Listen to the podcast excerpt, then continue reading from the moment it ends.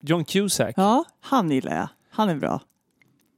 Jo, men det är ju bara för att han spelar i eh, Con Air med Nicolas Cage. Det är bara därför jag gillar honom. Han är ju en ganska menlös skådis, är han inte det? Nej, han är bra. Han är, ja, jag tycker han är den amerikanska motsvarigheten till typ eh, Hugh Grant. Han har ett uttryck. Nej, har han det? Ja, men alltid lite så här lätt dyster. Plus att han ser ut som han som eh, läser kulturnyheterna på SVT. Vet inte vem det är. Eller läser kulturnyheterna. Han som är vad heter det, programledare. Eller en av dem. Han Ja, som ja, inte är ja. han silveräven. Eh, vad heter det när man är Ny, ankare? Just det. Om man nu Det är fortfarande säger så. Ja, men det är väl ofta nyheter, nyhetsankare. Ja, precis. Kulturnyhetsankare. Just det. Min mamma hon snusade tre ankare vill jag minnas. Ja, det har jag nog också gjort Ja. en gång i tiden. Det känns old school. Nu är jag ju helt nikotinfri. På riktigt? Mm. Sen när då? 150 dagar kanske. Oj. Vad händer här? Gift och Mm. nikotinfri, det är liksom Nadja 2.0. Ja, jag vet faktiskt inte vad. Jag ska även spela badminton ikväll. Coolt. På badminton... Nej, just det. Du spelar här i Nacka någonstans. Racket. Bo Rackethall. Okej, Mm. det finns en sån alltså. Mm. Det är kul med badminton. Ja, det jag är ju fruktansvärt dålig. Ja. Det är du och Kalle som ska Japp. smiska på bollen. Ja. Eh, ja. Men det blir kul. Har du den här snärten i handleden? Alltså sist vi körde badminton så fick jag ju så him himla, jag vet inte, någon slags härdsmälta i armen så jag kunde knappt lyfta en vattenflaska. Liksom. Det var så här, alltså jag kände mig så fruktansvärt otränad. Du fick träningsverk, är det du försöker säga? Ja, ja, det här var alltså också liksom, i samband med att vi spelade badminton. Det var ju liksom inte efteråt utan det var så här, efter en halvtimme skulle jag dricka lite vatten och bara kunde liksom inte lyfta armen. Lealös typ. Ja, helt. Vad otippat om du hade gått till läkaren och de konstaterade att du har fått härdsmälta i, i överarmen. Klassisk diagnos. Det är du och Tjernobyl. Typ. Han har öppnat pärleporten så att jag kan komma in. Genom blodet har han frälst mig och bevarat mig som sin. Ja, ehm, avsnitt 11, Pärleporten Podcast. Är det 11 nu? Mm. Mm. Eleven, det är ju hon i eh, Stranger Things. Ja, just det. Eller? Ja, det är det. Ja. Mm. Varför fick hon heta Eleven? Hette hon det från början? Ja, men var inte det att hon var någon slags försöksperson och hade det numret för att de var Just det. 11 bara? Jag kommer faktiskt inte ihåg. Nej. Bra serie för övrigt. Ja, men jag kom på mig själv sitta väldigt mycket med telefonen. Ja, Mm. det tyder på att det inte var så bra, eller? Grejen att jag har märkt att jag har försökt analysera det här lite och jag har märkt att ju mer spännande det är desto mer sitter jag med telefonen för att jag inte klarar av det. Det är ju någon slags diagnos. Visst är det det? Ja, det tror jag nog. Det är ju orimligt konstigt liksom. Eller så är det bara att eh, hade det varit för 20 år sedan innan telefonen var supervanlig så kanske man bara hade gått därifrån. Det är väl kanske just för att koppla bort men att fortfarande vara social och sitta kvar. Social. Ja, men om du tittar med... Ja, när jag tittar själv, Jaha. Till och med då åker den upp. Liksom. Mm. Ja, intressant. Jag har försökt ändra på det här eh, och eh, sluta titta på telefonen när det är spännande. Men igår när vi såg Ragnarök så åkte den upp för det var för jobbigt. Mm. Mm. Ja, det är intressant ändå. Men bara under någon minut. Men du kunde fortfarande hänga med i the major plot, så att säga.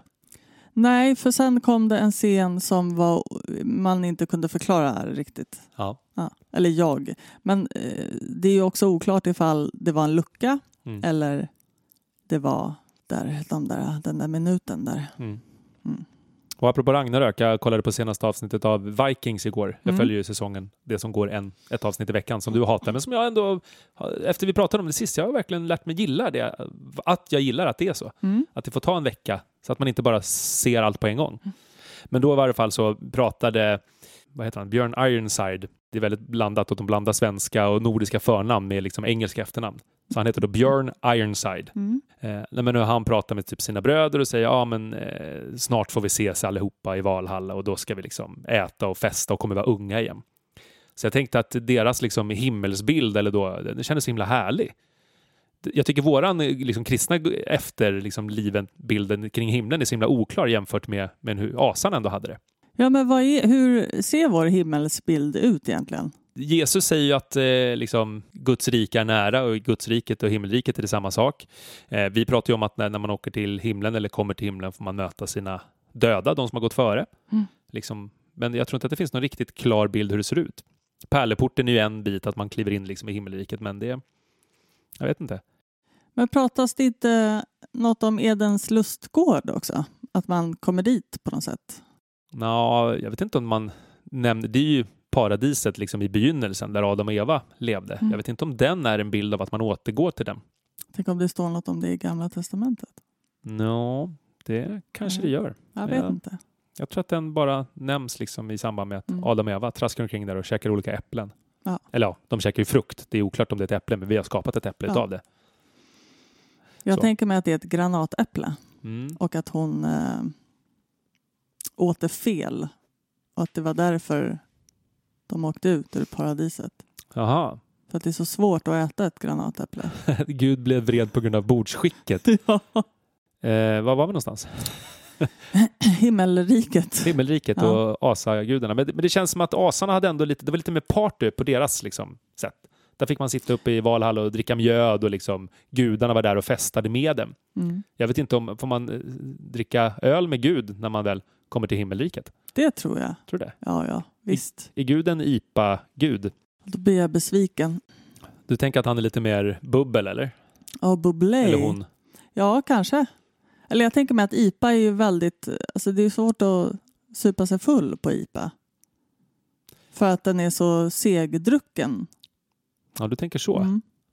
Om man nu vill supa sig full. Det behöver man inte göra om man inte vill. Ja, det är ju jobbigt om man liksom måste ringa en taxi till Gud och liksom styra upp hela den grejen. Hörru Gud, nu får du faktiskt ta lite lugnt. Du har fått Det får jag- 22 IPA is enough for you man. Jag tänker att man aldrig blir för full i himmelriket. Jaha. Ja, Och det finns inga så här 0,2 promillegränser utan du kan Nej. liksom... precis. Och om man skulle krocka så är det ändå bara fluffiga moln. Typ. Ja. Om det nu är den bilden vi har av himlen. Den här med dricka öl-kompabiliteten är intressant. Det sades ju att när eh, president Bush, den yngre, vann valet var det för att gemene amerikan tyckte att han verkade vara en softare person att dricka öl med än hans motståndare, om det var Al Gore eller vem det nu var. Ja. Var det Al Gore? Eh, ja, de körde ju samtidigt. Ja. Ja. Ja, hur som helst, men att det skulle vara ett argument. Mm. Eh, Och undrar om det är så med, liksom, med religionen också, att man, man utgår från vem som är softast att dricka öl med. Mm. Asarna hade ju sitt på det torra på så sätt att de hade ju Ja. softa ölgudar så att säga. Mm. Men frågan om våran gud är då ölkompatibel. Jag tänker mer vinkompatibel där med Jesus och nattvardsvinet. Ja, men det kan inte vara så att Gud har tröttnat på allt vin då? Vin nu igen, typ. Massa olika druvor. Och det är ju också frågan om Jesus skulle komma tillbaka i mo- modern tid. Skulle han då förvandla vatten till vin eller vatten till IPA? Ja, det är ju en fråga. Mm.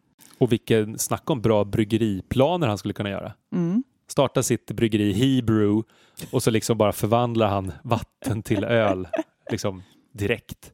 Men tror du inte att han liksom skulle fråga folk vad de ville ha? Så Just det. gjorde han flera olika förvandlingar. Tror du det? Ja. Eller är det liksom bara de som gillar IPA som får dricka ur Jesus vatten slash öl förvandlingskärl? Det är just de här detaljerna måste vi reda ut så Mm. att om vi väl får tag på Jesus och kan sätta våra liksom, ölplaner i, till verket så Mm. får vi ta ett varv med ledningen.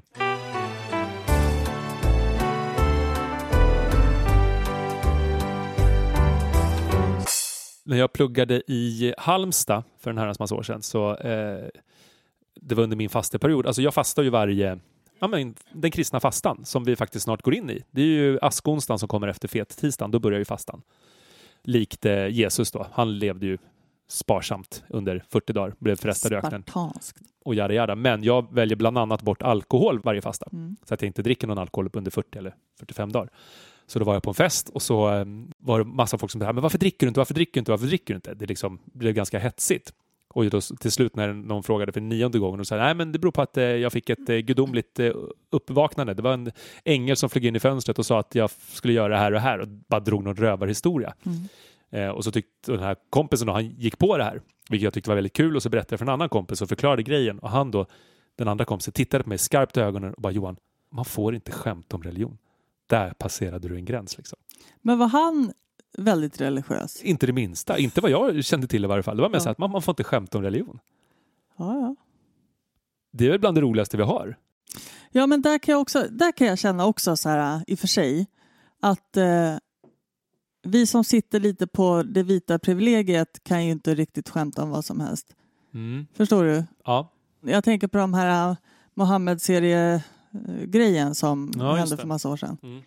Att det hade varit mer okej ifall en som faktiskt var muslim hade gjort de här istället för någon. Eller förstår du? Jo, men, och, och just det där kan jag hålla med om. Det känns som att där fanns det ju, när man liksom ändå vet hur pass viktigt det är för de flesta muslimer att man inte avtecknar Mohammed. Och att då kan man ju tycka att det är ganska respektlöst att man gör en sån här grej och dessutom på ett sånt parodiskt sätt. Det känns ju onödigt.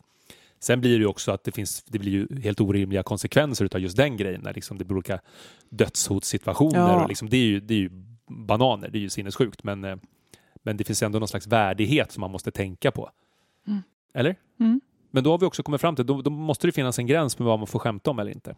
Och den är, kan ju vara känslig. Ja, eller en gräns för vad vissa får skämta om Mm. i alla fall. Men då har ju ändå vissa skämtföreträde för att man då tillhör den sidan så att säga. Ja, men det tycker jag nog. Men är det då mer rimligt till exempel för oss som kristna att skämta om kristendomen än för en muslim att skämta om kristendomen? Då skulle det vara så i så fall. Ja, fast egentligen där känner jag också så här äh, att vi har ju ett eh, väldigt stort privilegium som vita västerländska kristna personer. Ja. Eh, så där skulle jag ändå tycka att det var mer okej att en muslim skämtade om oss än att vi skämtade om dem. Jag hade ett moment för eh, två söndagar sedan. Det var den här invigningen som jag pratat om, om vår nya kyrka, Forumkyrkan, som ligger ganska nära Nacka Forum, ett köpcenter strax utanför Stockholm. Eh, och så var det på eh, stora invigningsdagen och sen på kvällen så hade det var en konsert eh, där bland annat eh, våran chef, kyrkoherden, Kalle, har skrivit musiken. Eh, och den bygger på liksom gamla, typ så sufiska texter. Sufiska, kan man säga så? Sufismen. Du får nog förklara vad sofismen är. Ja, men det är väl, det är väl en mystikgren inom islam. Mm. Alltså, för de som inte vill vara mainstream, liksom, så kan man eh, gå det djupa. Alltså, alla religioner har ju sin liksom, mystiska eller mystika gren kan man säga. Finns inom kristendomen, judendomen. Ja, men jag tror att det heter typ kristen mystik. Ja. Att, eller det kanske är någon, någon smart person där ute som har bättre koll, men jag tror Mm. att man bara säger kristen mystik, så att Mm. vi har nog inget speciellt namn. Hur som helst, den här konserten den hette Du och jag och handlade om kärlekens mystik i religiösa traditioner. Och då är det liksom gränsöverskridande, både judendom och kristendom och islam. Men mellan de här låtarna då som sjöngs av eh, sångare och eh, kör så var det en man som eh, reciterade från eh, Gamla Testamentet. Eh, och så var det sen också framåt slutet av konserten en imam, alltså en, vad ska man säga, en islamsk, muslimsk präst som reciterade en sura, alltså en del av Koranen och han sjöng då på arabiska. Eh, och det var liksom, eh, jag fick typ mitt största andliga ögonblick på flera år just i den stunden, för jag tyckte att det var så häpnadsväckande andligt. Att, eh, jag vet inte hur jag ska beskriva, men att stå där i liksom en nyinvigd svensk kyrka Eh, och få uppleva det här liksom mötet mellan religioner, inte bara inom kristendomen, det som ofta kallas ekumenisk, liksom, ekumeniska möten, att man möts inom samma religion fast till exempel katoliker, ortodoxa och protestanter och så vidare, utan här var det liksom judar, muslimer och kristna möttes eh, i det här tilltalet. Och att höra honom då sjunga på arabiska, det var en gåshudsupplevelse. Så att eh, sist jag kände sånt, liksom på något sätt andlig närvaro, det var ju typ när jag var i Egypten för typ 15 år sedan. Eh, ja, och det är en annan historia i sig. Eh, och då kommer jag också tänka på det att det är så härligt att som utövande, ja, i mitt fall kristen, men att som religiös också få den här liksom bekräftelsen på att det inte bara hittar på alltihopa. Nu finns det såklart de som kanske inte är troende som skulle säga att det kanske bara var spur of the moment eller någonting. Men för mig så var det ändå en andlig situation så att säga. Där man kände att det är någonting mer än bara det vi hör och ser. Och det var härligt att få uppleva det. Mm. För att det, det känns skönt att det finns någonting där ute. Mm. Lå- Låter det läskigt och flummigt eller? Eh, nej, men det tycker jag inte. Men eh, jag hoppas ändå att de flesta på jorden kan eh, relatera till ett andligt ögonblick eller i alla fall någon slags aha-moment som inte är eh, jag lyckades räkna ut det här mattetalet. Mm. Liksom. Ehm, så jag tycker inte att det låter jätteobehagligt överhuvudtaget. Det låter inte jätteobehagligt. Nej, men det låter fantastiskt. Jo, men, ja, men det var det. det. Det ska ju på något sätt vara så varje gång tycker jag egentligen att när man går i kyrkan att man ska få liksom en, en andlig skjuts så att säga. Och det, det, det tror jag säkert många får. Men det är ju sällan som man kanske får den här liksom så påtagliga känslan. Det vet jag vissa kollegor ibland som har, man har firat en mässa eller någonting där man upplever att shit, idag händer verkligen någonting.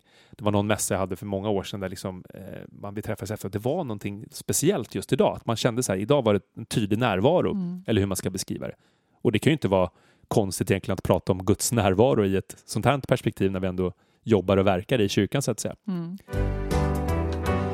Vi pratar ju ibland om eh, liksom det här med Agent Mulder och Agent Scully, Arkivex, att den Mm. ena är den här empirikern som vill liksom se på det handfasta beviset medan den andra är lite mer liksom fri själv, tror på ja, men det som kanske är orimligt. Mm.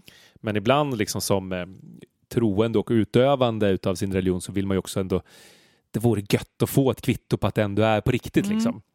Man kan ju önska det. Och där menar ju vissa, jag pratade med en annan kollega tidigare idag som pratade om, men för henne var det så att hon har upplevt ofta att hon kan få som ett bönesvar. Liksom sådär, i rätt, retrospekt att hon märkte, ja, men det här var ju på det här sättet och det är nog inte bara en slump utan att det här är, det finns en annan betydelse och en annan förklaring till det som kanske då liksom är mot Guds hållet så att säga. Eh, Och det är ju härligt när man, eh, ja, men som jag då kan få känna sådär, men det här är, idag händer det någonting. Eh, Speciellt som fick mig åtminstone känna att ja, men vad skönt att jag verkligen ändå kan bottna i min tro att, att det inte bara är hittepå. Vilket jag inte tror, men nu blir det ändå Ja, Jag förstår vad du ett, menar. ett, ett kvitto är fel att säga, men eh, Nej, men det är väl som ett eh, kvitto på något sätt. mm, Det är väldigt skönt att få något sånt någon gång ibland. verkligen. Så man eh, blir påmind om att så här, det här är inte helt värdelöst. Inte helt värdelöst. Inte helt värdelöst. Vi pratar ibland också om det att eh, beroende på var man bor och hur man liksom är uppväxt med sin religion. Jag tänker alla, alla ska inte säga, men många sydamerikanska kristna som har det så himla naturligt att prata om liksom Guds existens, att det är en sån självklarhet i deras vardag. Och de pratar om det på ett mycket öppnare och kanske friare sätt än vad vi gör för att det är så himla man, man är så van för att man är uppväxt med Gud hela tiden. Eller de som man ser på nyheterna i krigsdrabbade länder och liksom de pratar om att man hela tiden kan lita på Gud och liksom ändå Gud är sista utposten så att säga som ändå hela tiden är kvar där. Ibland så känns det som vore det så skönt på något sätt att bara kunna helt hänge sig på det sättet. Mm. Och jag vet inte om det är kulturellt betingat eller om det bara är hur mycket man själv vågar kastas ut. Förstår du vad jag menar? Ja, Ja. jag förstår exakt. men det vore härligare att få kunna prata om Gud med sån självklarhet Ja. utan att folk dels tänkte att man är lite, lite eljest men också att det, att det är det, det klimatet så att säga. Det är ju även vi som jobbar i kyrkan. Det är, det är ju inte särskilt ofta som vi sitter och tänker jag, öppna andliga samtal på det sättet. Nej, det är ju väldigt sällan. Ja. Och det är ju märkligt kan man ju tycka. Ja, verkligen.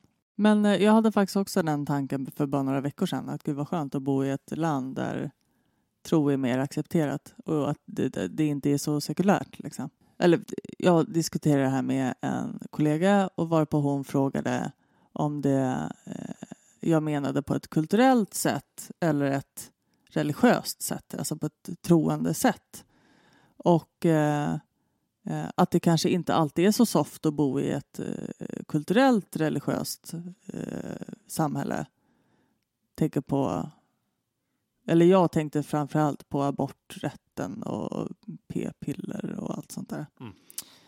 Eh, vilket fick mig att eh, tänka om lite och tänka att vad skönt att bo i någon slags utopi där tro var normalt. Eller förstår du vad jag menar?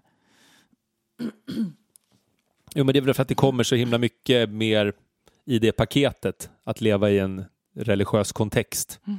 När det kanske är mer, ja, som du säger, kopplat till samhället och samhällsstrukturen. Mm. Och det är väl det som är det farliga i religion, när det blir ett statsskick så att säga. Mm.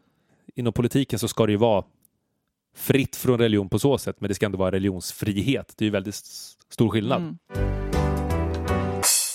Jag tänkte på en grej. Eh, jag hade en elektriker, eller vi har dragit om elen hemma. Men eh, han, eh, jag berättade att jag jobbar inom kyrkan och då var han direkt så här, gud vad härligt, det är så sällan man träffar folk som eh, eh, vågar stå för sin tro och vi behöver mer kristendom i samhället. Jag var bara så här, fan det här, jag valde rätt elektriker. Sen säger han så här, det är ju vissa muslimer, de vill ju inte ens att vi ska få utöva vår tro. Då, det, det gick från sånt stort hopp till sån nattsvarthet.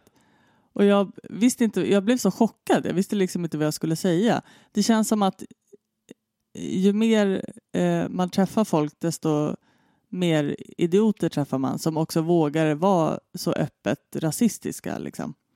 Och så här i efterhand hade jag ju verkligen velat eh, säga så här att det finns ju väldigt många kristna, kristna som vill att muslimer inte heller ska få utöva sin tro.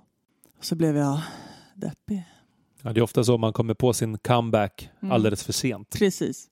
Så himla nära på att mejla honom. Men eh, kör! Förresten. Nej. Han är klar med eljobbet i och för sig. Men kan du inte bara liksom göra olika rasistavdrag på arvodet? ja. Fråga honom om det är okej. Ja, vad ska han säga? Ja. Han ska eh, skicka in kasso kanske. Ja, Kronofogden. just det. Mm. Men om du då hävdar att han är någon slags rasist-as, Ja. då kanske han låter udda vara ju, man kan ju hoppas det, men det Ja. känns lite 50-50 sådär. Ja. På tal om, eh, eh, nu när vi ändå är inne på så himla deppiga grejer, så eh, eh, tänkte jag smidigt komma in på mitt eh, ämne. Jag har ju inte jättemycket stoff, om man säger så. Men eh, jag pratade med min mamma häromdagen och var så här... Eh, vi hade verkligen inga idéer till den här podden. Jag var så här, mamma, vad ska, vad ska vi prata om i podden? Eh, för er som inte har lyssnat tidigare så är min mamma väldigt eh, ateistisk och eh, brukar även snacka väldigt mycket skit om folk som är eh, religiösa när vi pratar i telefon. Alltså hennes eh, kristna dotter. väldigt roligt. Jag förstår inte hur man kan vara kristen. Ja, i alla fall. Eh, och var jag så här, mamma, eh, vad, ska jag, eh, vad ska vi prata om i podden? Jag har ingenting att prata om. Då var hon så här, men eh, kan ni inte prata om apokalypsen? För att eh, eh, nu är det ju det här coronaviruset och så har det varit såna här eh, eh, gräshoppesvärmar och det är krig överallt. Så jag tänkte att vi skulle prata lite om apokalypsen. Vad betyder egentligen ordet apokalyps? Jo, apokalyps betyder eh, uppenbarelse och vi använder det ju som att det betyder liksom jordens eh, slut eller att det, tar slut på något sätt. Eh, men eh, och det kommer från att eh, från uppenbarelseboken som även kallas Johannes apokalypsen. Sista boken i Bibeln. Precis, som är fruktansvärt eh, rolig och väldigt fantasifull. Kan tipsa om att eh, ha högläsning eh, på fester så där efter ett tidens där. Väldigt kul. Efterfestkompatibel. Precis. Ja. Ja. men det, eh, det ordet som då betyder slut, eller vad man ska säga, eh, är eskatos. Och det betyder då eh, eskatologi av grekisk, nu läser jag då på Wikipedia. Eskatologi av grekiskans eskatos, ytterst eh, eller sist betyder det då. Så det är liksom det sista, det är det som eh, betyder jordens undergång så att säga. Men för när gemene man pratar om apokalypsen så tänker man väl ändå att det är liksom när Det är mänskligheten... precis. tar slut. Slutet. Ja. Ja. Eh, men det man kan läsa om då i Bibeln är ju bland annat, eh, eller det är ju de här sju, eh, Små dvärgarna. sju små dvärgarna. Förlåt, de sju Sju, eh, eh, vad heter det på svenska nu då? Säg det på engelska. Eh, The, Seven Seals. Som inte är sälar. Säl. Åh, det hade varit Kan du inte fantastiskt. tatuera sju sälar? Sju sälar, det är klart jag ska göra det. Det är jättekul. What do you have tattooed? I have seven, seals. Det är men. Christian. Ja men sil, det är väl förslutning? Ja, alltså, precis. ehm, Något sånt. Eh, Jag tänker att det är ett förbund. kuvert. Ett, en kuvertöppning, säger vi. Okej. Eh, och de här sju kuvertöppningarna ska då öppna sig. Eh, och sen eh, kommer någon slags eh, apokalyps in. Så någon tjomme öppnar sju kuvert och sen kommer apokalypsen. Hallå, Precis. tjena tjena! Det är lite olika grejer i de här eh, kuvert, kuverten. Nu- tar Johan fram paddan och börjar googla. Bland annat de, de här sju eh, ryttarna kom, nej sju, de här fyra ryttarna kommer ju från eh, Uppenbarelseboken som är väldigt eh, omtalade då i eh, olika kult, popkulturella fasoner. Vad ville din mamma liksom reda ut gällande apokalypsen? Var hon nyfiken på den? Vad det innebär rent bibliskt eller var det mest Ja. att hon... Jag tror det. Ja. Det var lite oklart. Jag tror att hon var mest rädd för det här coronaviruset Ja. som nu... Eh, och det jag tyckte var spännande var att mamma som inte har jättestor koll på liksom kristendom även, eh, ändå kunde liksom plussa ihop flera olika händelser till att det blir någon slags Mm, apokalyps. det. Det folk känner till är väl det här med krig, eh, virus, alltså sjukdom, men även de här gräshopporna. Mm. Jag försökte liksom komma ihåg var de här gräshopporna kommer ifrån, men de kanske också kommer från Uppenbarelseboken, eller? Ja, men det var ju en av plågorna som eh, Moses eh, sände till eh, Egyptens folk och faraon. Det var väl sju plågor. Ja, Nilens vatten blev blod. Eh, ja, gräshopporna då, svält och hej och hå. Alla barn dog. ja, men Ja. nå- någonting i den stilen. Mm. Olika lamm som offrades. men jag tänker att slutsatsen vi kan dra här är att det, blir, det, det har blivit bättre och inte sämre. Ja, alltså allt utom klimatperspektivet så är det ju så.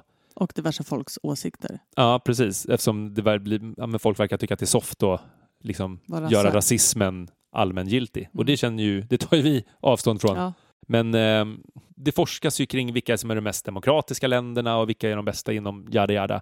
Och där visar det sig då att, att världen blir bättre ur flera aspekter. Förutom då att jorden kommer gå under på grund av klimatförändringar. Eller jorden kommer inte gå under, men vi kommer gå under för att vi sabbar klimatet. Mm.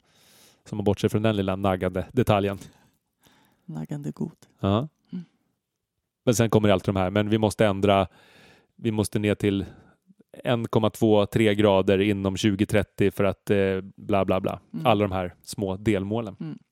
Men jag såg på nyheterna i förrgår att eh, Sveriges största cementfabrik, som jag inte vad den hette, som ligger typ på Gotland, som eh, ska börja senast 2030 ska de skicka all koldioxid rakt ner i jorden. Ja, Eller i havsbotten i det Norge. läste jag också. Men hur påverkar det havsbotten? Ja, men det är ju där all olja ändå finns.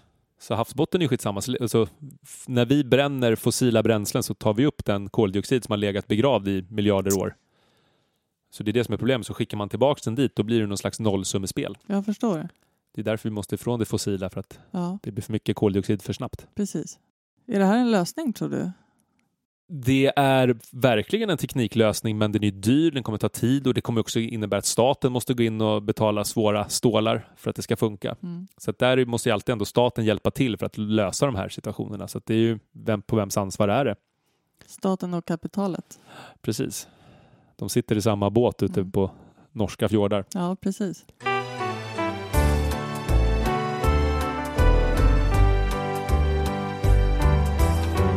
Hojta på olika sociala medier om ni tycker någonting. Ja. Eh, Det var lång utandning. Det lät som ett ånglok från 1800-talet. ja. Gud, tänk att vara ett ånglok från 1800-talet. Vad enkelt livet skulle vara. Precis, det handlar bara om att man får lägga på ett kol. Eller be någon annan göra det. Ja, just det. Mm. Det var ju tråkigt i och för sig. Ja, men nu känns det som att vi har pratat tillräckligt. Mm. Förhoppningsvis blir det någonting. Vi eh, är tillbaka om typ två veckor. Ja, Tack för den här gången. tack. Hej på dig. Som en en härlig gudomskälla. Rik och mäktig, djup och stor. Är den kärlek, nåd och sanning som i